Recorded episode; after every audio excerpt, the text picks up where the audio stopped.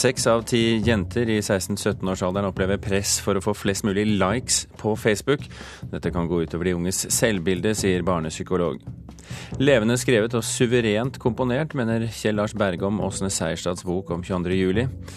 Og den nye regjeringen vil kutte i statstilskuddet til arbeiderbevegelsens arkiv. Dårlig signal, mener Arbeiderpartiet. Du hører på Kulturnytt med Birger Kolsrud Jåsund i studio. Seks av ti jenter i 16-17-årsalderen opplever et press om å få så mange likes som mulig på det sosiale nettstedet Facebook. Det viser en ny undersøkelse gjennomført ved NTNU. Dette kan gå utover de unges selvbilde, sier barnepsykolog, som er redd for at tilbakemeldinger i de sosiale mediene blir viktigere enn reaksjoner i det virkelige liv. Hvis man får sånn 60, så er det litt sånn Da føler man at det ikke er like fint, hvis du skjønner. Og det er ofte sånn folk som får 40 likes eller noe, som ofte sletter profilbildet sitt fordi de føler det ikke var fint nok, da, siden det ikke var så mange som likte det. Forteller tre 17-åringer på Fagerborg videregående skole. Det sosiale nettstedet Facebook sin ikoniske liker-knapp i form av en tommel opp har i løpet av få år blitt en av de mest kjente symbolene på internett. Hvis man liker et bilde eller en status som noen legger ut på Facebook, kan man trykke på liker-knappen. Jo flere likes innlegget får, jo mer oppmerksomhet blir det gitt. Men det er ikke alltid det går som man håper. Um, man blir litt sånn stresset. Det er litt kjipt hvis ingen liker. Sånn, de første fem minuttene så har du ikke fått noen likes eller kommentarer eller noen ting. Da er det litt sånn nei. En ny undersøkelse viser at seks av ti jenter i 16-17-årsalderen opplever at det er for mye press om å få mange likes på Facebook. Spesielt er det viktig for mange unge å få likes på profilbildet sitt, og også selvfølgelig på statusmeldinger de legger ut. Forteller førsteamanuensis ved NTNU, Berit Skog, som har gjennomført undersøkelsen. Flere gutter i denne aldersgruppen svarer også at de opplever et såkalt like-press. Og innenfor ungdomskulturen så kan dette være et viktig symbol f.eks.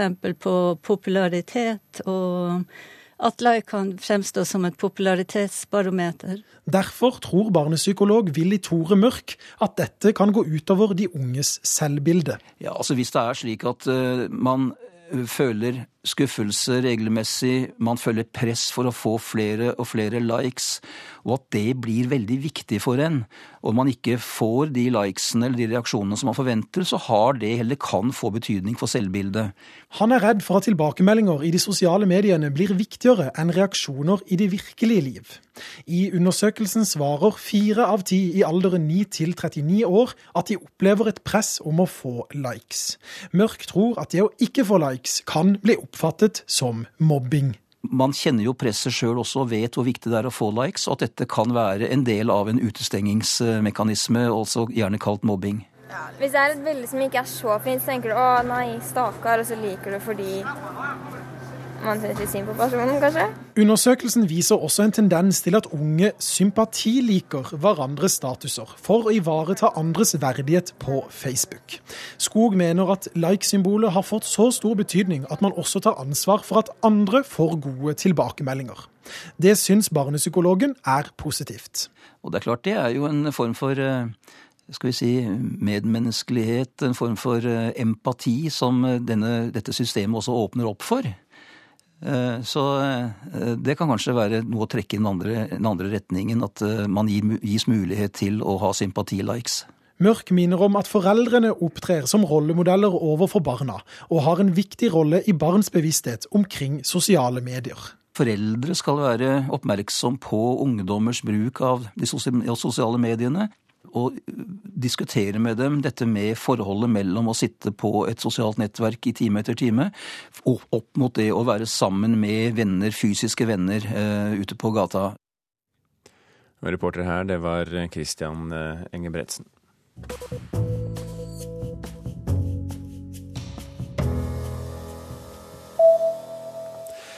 Det er svært vanskelig for kulturlivet i Sverige å skaffe seg sponsorer. Det viser en undersøkelse fra regjeringens eget senter for kulturanalyse, som legges frem i dag. Sponsorpenger utgjør bare 1% av kulturfinansieringen i Sverige, og det er de store institusjonene som får pengene. Grunnen ifølge rapporten er at det kreves penger for å få penger, i tillegg til at næringslivet tiltrekkes av allerede sterke merkenavn, melder Sveriges Radio. Antall eh, skytescener i amerikanske filmer er fordoblet siden 1950, det viser en ny undersøkelse. Amerikanske og nederlandske forskere har talt opp voldsscener i 945 filmer siden 1950, og har funnet ut at skytevåpen blir en stadig mer populær rekvisitt. Antallet skytescener har økt spesielt i filmer med 13-årsgrense, noe som ifølge nyhetsbyrået AFP bekymrer forskerne. Sjefredaktøren i det amerikanske nyhetsbyrået Bloomberg møter mistillit hos ansatte etter å ha stoppet flere Kina-kritiske artikler. Sjefredaktør Matthew Winkler forsvarer avgjørelsene med at det er viktig å beholde pressevisum til Kina. New York Times minner om at selvsensuren sammenfaller med nyhetsbyråets planer om å utvide virksomheten i Kina. Det skriver Dagens Nyheter.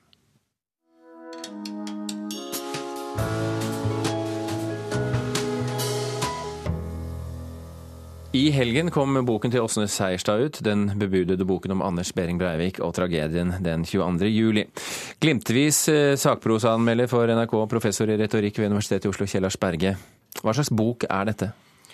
Det er en ganske sammensatt bok, faktisk. Eh, mye av dette kjenner vi jo fra tidligere. Altså, det er jo stoff som er beskrevet ganske godt i eh, Borchgrevinks bok om Breivik. Åge Storm Borchgrevink. Åge Storm Borchgrevink, ja. Den er jo en veldig flott bok. men han eh, konsentrerer seg hovedsakelig om oppveksten til Anders Behring Breivik, mens denne boka her som forsøker å beskrive veldig mye mer. Altså ikke bare hans oppvekst og liksom hans politiske liv og alt det vi da kjenner ganske godt, men også en del av disse Utøya-ofrene. Det er altså spesielt tre eh, ungdommer da, og deres familier som har også beskrevet ganske gjengående. Det er Bano fra Nesodden, og så er det Sebø fra uh, Salangen oppe i Troms, og så er det en kar som heter Anders Kristiansen fra Bardø.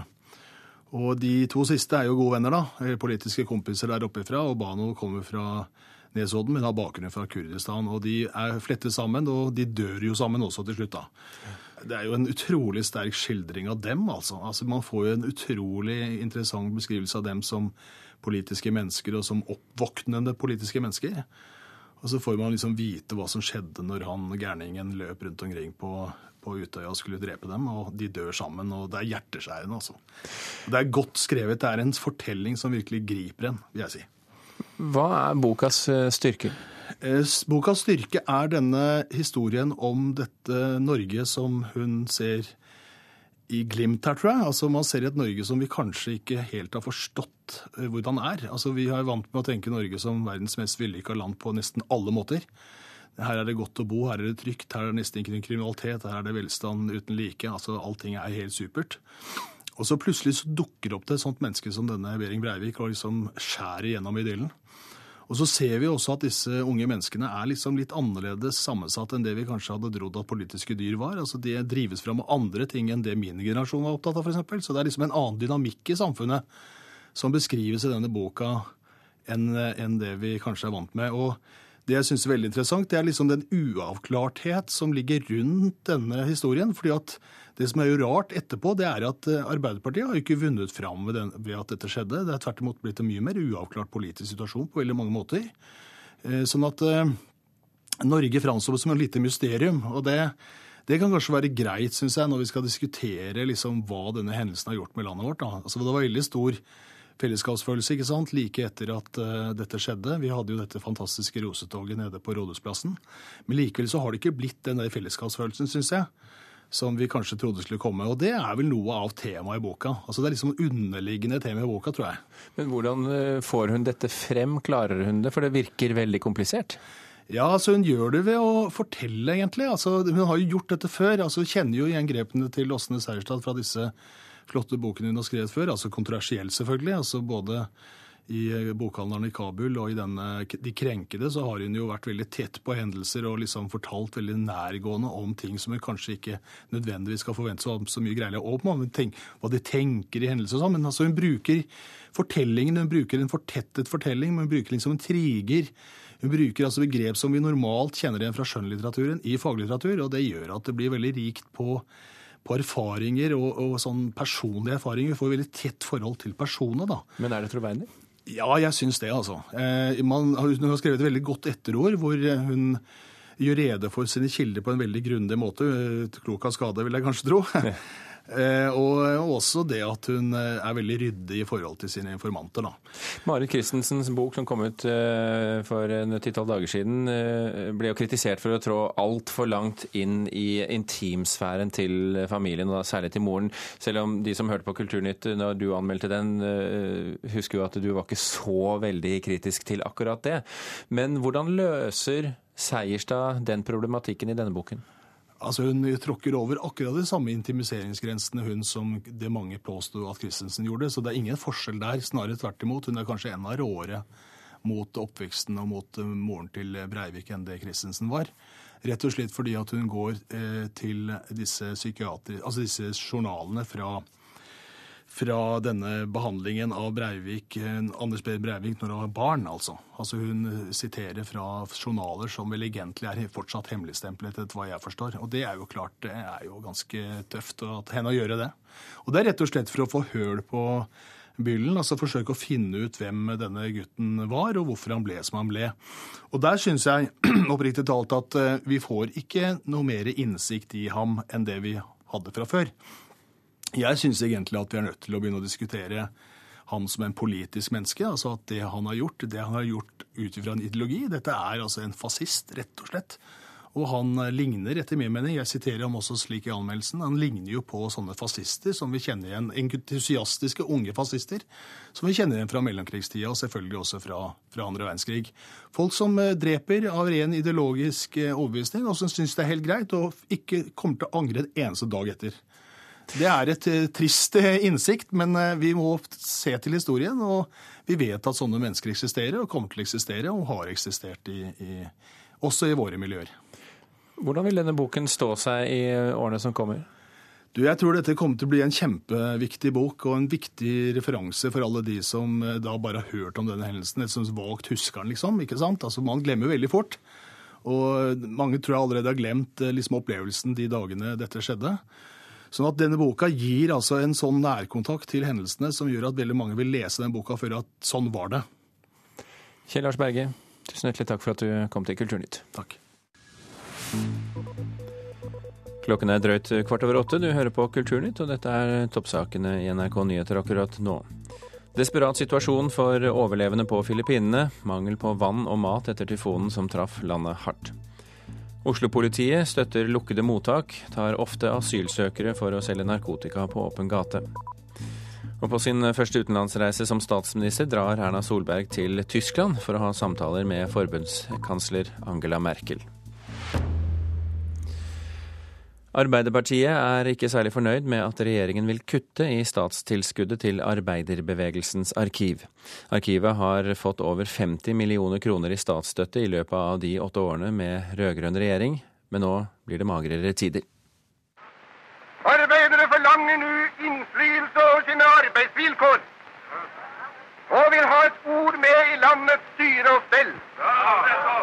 Slik LO sin agitasjonsfilm fra 30-tallet 'Samhold må til' er en bitte liten del av det materialet arbeiderbevegelsens arkiv tar vare på. Arbeiderbevegelsen har jo sitt egen arkivpost, eller post på statsbudsjettet. Mens en del andre eh, politiske organisasjoner og andre de ligger jo da innenfor Riksarkivet. Så dette har vi sammenstilt, og vi har sett at i løpet av den tida som de rød-grønne har styrt, så har de da gitt en uforholdsmessig stor støtte. Det syns vi er urimelig i forhold til hva de andre har fått.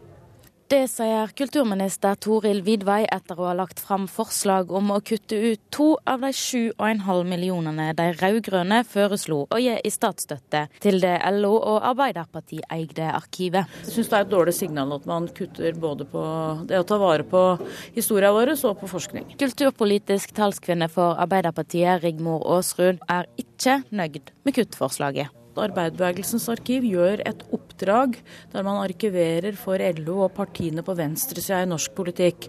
Eh, det at man kutter i budsjettet nå, gjør jo at man eh, har jo akkurat samme forpliktelsene til å arkivere. Og hvis ikke Arbeiderbevegelsens arkiv kan gjøre den jobben, så må jo andre gjøre det. Og da eh, må jo Riksarkivet eventuelt ta over, og der er det lite plass.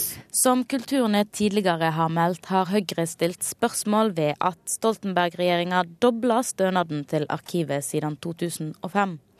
Svaret har altså ikke vært godt nok til å forsvare pengebruken for Vidvei.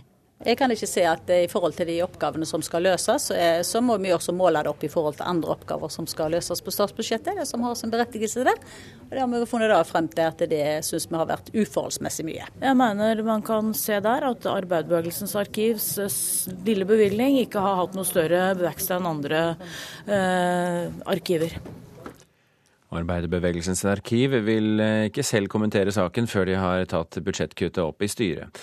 Reporter her, det var Maria Pile Svåsand. Wikimedia Norge profesjonaliserer sin virksomhet i landet, og ansetter nå sin første ansatte her til lands. Det gjør de for å komme norske kulturinstitusjoner, som ønsker å gjøre sin institusjon synlig på Wikimedia, i møte. Det er snø til borte. Inn en gang, ned ei trapp og så inn ei stor, tung metalldør. Inne på Norsk Folkemuseums magasiner står museumsgjenstandene tett i tett. Men sjøl om gjenstandene mesteparten av tida står bak lås og slå, blir flere og flere av dem gjort tilgjengelig for publikum på Wikipedia. Sånn ser det ut på et moderne museumsmagasin. De siste to årene har Kulturrådet og Wikimedia Norge, som styrer Wikipedias aktivitet her til lands, samarbeida om å få norske kulturinstitusjoner til å bruke Wikipedia. Hvis man ikke er på Wikipedia, så eksisterer man på en måte ikke i, i samfunnet for, for publikum. Sier Alexander Lindbekk, katalogansvarlig. Ved Norsk Folkemuseum. De har gjort om lag 150 000 bilder fra sitt arkiv tilgjengelig for fri bruk på nett, og skrevet hundrevis av Wikipedia-artikler om museets gjenstander museene skal jo være relevant å si noe om det samfunnet vi lever i i dag. Til de folkene som lever i det samfunnet i dag. Så, så jeg syns at å være til stede der folk flest er, er veldig viktig. Nå går vi inn på www.wikipedia.no. Pågangen fra kulturinstitusjoner som vil gjøre som Folkemuseet, har blitt så stor at Wikimedia Norge for første gang ansetter en person i Norge. Dette samarbeidet med kultursektoren handler jo i veldig stor grad om å få eh, fagfolk, akademikere, forskere, kuratorer, museumsfolk, arkivfolk i Norge til å bidra på Wikipedia og få den norske kulturarven ut til folk gjennom Wikipedia. Ansettelsen er et ledd i å profesjonalisere norsk Wikipedia, sier nestleder i Wikimedia Norge, Erlend Bjørtvedt. Det vi nå forventer, er jo å eh, kunne håndtere tunge samarbeid med de største kulturinstitusjonene i Norge eh, på en bedre måte, en profesjonell måte. Store norske leksikon som har slitt med finansiering i lengre tid, ser nå lyset i tunnelen ettersom regjeringa på neste års statsbudsjett oppretter en søknadsordning for nettbaserte leksikon. Anne Marit Godal, redaktør i Store norske, frykter ikke konkurransen fra Wikipedia. Jeg tror at vi kan gjøre hverandre bedre. Eh, hvis vi kan være enige om at vi har ett felles mål, og det er at norske lesere skal kunne finne godt innhold på internett. Hvorfor ikke dele eh, kontorlokaler? Hvorfor ikke sitte i nærheten av hverandre, snakke sammen? Men Wikimedia Norge ser ikke for seg å sitte i samme kontorlandskap som Store norske. For det er noe med å ha eh, to redaksjonelle miljøer i Norge. Det har også noe med ytringsfriheten å gjøre. og det at du har to på samme måte som man har flere aviser og man har to dominerende TV-kanaler osv. Så, videre. så tror jeg også det er veldig sunt å ha to leksikamiljøer. Og det var reporter Helga Rongstad som hadde snakket med bl.a. nestleder i Wikimedia Norge, som du hørte her, Erlend Bjørtvedt. Flere matbloggere bryter nå samarbeidet med nettstedet alleoppskrifter.no. Nettsiden legger ut oppskrifter fra 700 av landets matbloggere, og er en av landets største oppskriftssider på nett. Men flere bloggere syns altså at samarbeidet koster mer enn det smaker.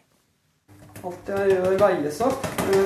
Da er jeg helt sikker på at hvis andre gjør det samme, så blir det sannsynligvis ganske likt. Matblogger Anne Spurkland rører sammen de tørre ingrediensene i det som skal bli melkefrie scones. De siste to årene har matbloggen hennes friekaker.no vært registrert på oppskriftssiden alleoppskrifter.no. Men nå melder hun og flere andre bloggere seg av siden i protest. Min blogg kjennetegnes av at jeg lager oppskriftene selv, akkurat som jeg holder på med nå. Og eh, Det fins ikke noe annet sted. Det er jeg som skriver det, det er jeg som har funnet de på. Og da vil jeg selvfølgelig at mitt arbeid skal krediteres meg. Altså At det skal være helt tydelig at når, Når det refereres til min blogg, så skal det være synlig at det kom herfra, fra meg. Alle oppskrifter er en av landets største matportaler, men de produserer ikke noe av innholdet selv. Det henter de fra matbloggere og andre nettsider. Bloggere registrerer seg på siden fordi den lover mer trafikk til bloggen deres. Og av Norges antatt 1000 matbloggere er så mange som 700 registrert. En av grunnene til at Sprukland ønsket å melde seg ut av alleoppskrifter.no, var at hun mener det er vanskelig å se hvem som står bak oppskriftene på nettsiden. Det eneste leseren fester seg ved, det er jo hva det er slags mat som er her. Elgskav eller tacosuppe. Mens informasjonen om hvilken blogger det er som har levert det, den er eh, veldig nedtonet. Der, jeg holder ikke helt med, ettersom at vi faktisk skriver ut bloggens navn i ett, resultatlistan, to, på detaljsiden. Det sier utviklingssjef Anders Hagen Bjørk i det svenske selskapet MyTaste, som eier alleoppskrifter.no. I tillegg til den norske oppskriftssiden har MyTaste lignende oppskriftssider i 37 andre land. Bloggerne får jo trafikk, og de får oppmerksomhet av å være med på siden. Og det, det tycker, vet jeg at mange bloggere syns er kjempebra. Og jeg vet også at våre besøkere syns det er kjempebra at vi har samler alle bloggere på ett og samme sted. Altså, jeg ville jo aldri inngått noe samarbeid med dette nettstedet her. Det sier Gisle Hannemyr, som er universitetslektor ved Institutt for informatikk på Universitetet i Oslo. Eh, fordi at det, de har lagt det opp på en sånn måte at det er veldig vanskelig å se hva de som deltar, altså disse bloggerne, deltar for ut av det. I og med at det ikke er noen insentiv til å klikke igjennom. Hele brandingen, altså merkevaren, er jo alleoppskrifter.no. Og så er det helt klart at disse annonsene som de da i store mengder eh, dytter rundt oppskriftene, det er jo de som eh, tjener penger på. Hannemyr forteller at det er mange nettsider som samler innhold fra andre, og tjener penger på annonser. Det er ganske vanlig. Det er veldig mange som, eh, som gjør det, for det er jo veldig lønnsomt. Man slipper å, å lønne journalister eller andre som, som skal sørge for det redaksjonelle innholdet. Det henter man annet sted fra, men man har da istedenfor annonseselgere og sørger for å få solgt inn reklame. Implementasjonen av denne søkemotoren er jo eh, en måte som på mange måter utnytter da, de som deltar. Men utnyttja, det låter kjempekonstig. For vil man ikke være med, så behøver man ikke være med.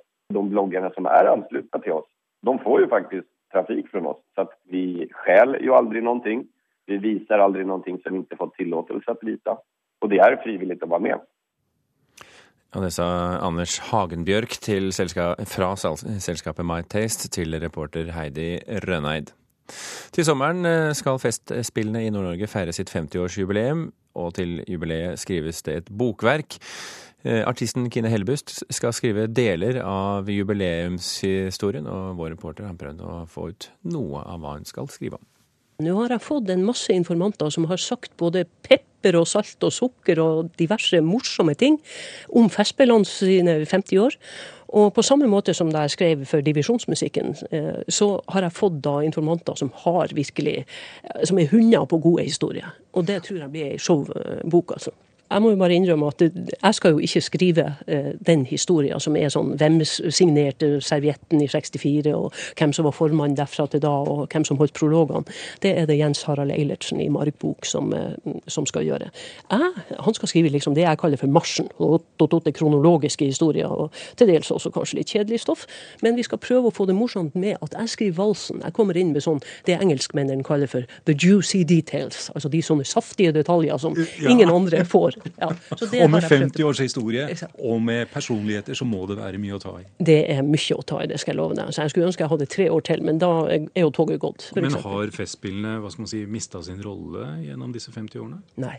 Nei, tvert imot. Men det kan være ting som kan være greit å snu og vende på for å se om er det noen ting som fungerte veldig bra i fortida. Er det noen ting som vi kunne lage som en slags mimrekveld f.eks. under 50-årsjubileet? Kunne man trekke fram uh, gamle, gode ja, både kunstnere og, og, og publikummere som hadde å bidra med? Altså, Men har, har Festspillene utvikla til å bli et eh, konsumentmarked for kunst og opplevelser? Nei, det vil jeg ikke si. Jeg vil si at Festspillene i Nord-Norge er Altså det favner hele landsdelen. Altså, men det er jo like mye kunstnernes skyld. De reiser på turné i festspill og festivaler. sånn at, Hvis jeg må si med en av mine informanter som, som mente det at en festival skal jo være noen ting, skal jo være en slags garanti for at publikum, når de går, deltar på et eller annet, så skal det, så skal det være en slags kvalitetssikring innenfor festspillene om at dette her er noe unikt, noe spektakulært, som du faktisk har veldig godt av å se på og komme til. Men hvis det da er f.eks. en artist som liksom går over hele landet, så er det sånn Nei, det kan jeg har ikke tida nå, kan du like gjerne dra til Førde og se vedkommende. Men lykkes Festspillene her? Det vil vise seg. Jeg syns at alle skal få en sjanse. Jeg syns Tone gjorde, og Festspillene gjorde det veldig veldig bra i fjor, og dette lover veldig godt. Og jeg sier det ikke fordi at jeg er betalt ut av Festspillene for å si det, men jeg sier det ut ifra mitt hjerte og min forståelse som kultur- eller kunstner i, i landsdelen. Ja, Det sa altså artisten Kine Hellebust, som skal skrive deler av jubileumshistorien til Festspillene i Nord-Norge, som feirer sitt 50-årsjubileum til sommeren. Kulturnytt er nå slutt. I dag har du hørt at seks av ti jenter i 16-17-årsalderen opplever et press for å få flest mulig likes på Facebook. Dette kan gå ut over de unges selvbilde, sa barnepsykolog Willy Tore Mørk til oss i dag. Levende skrevet og suverent komponert, mente Kjell Lars Berge, vår anmelder, om Åsne Seierstads bok om 22. juli. Les denne anmeldelsen på nrk.no hvis du vil se nærmere på den. Ansvarlig for sendingen i dag, det var Frode Thorshaug, Halvor Haugen og Birger Kålsrud Aasund. Vi er tilbake igjen i ettermiddag klokken halv fem som vanlig.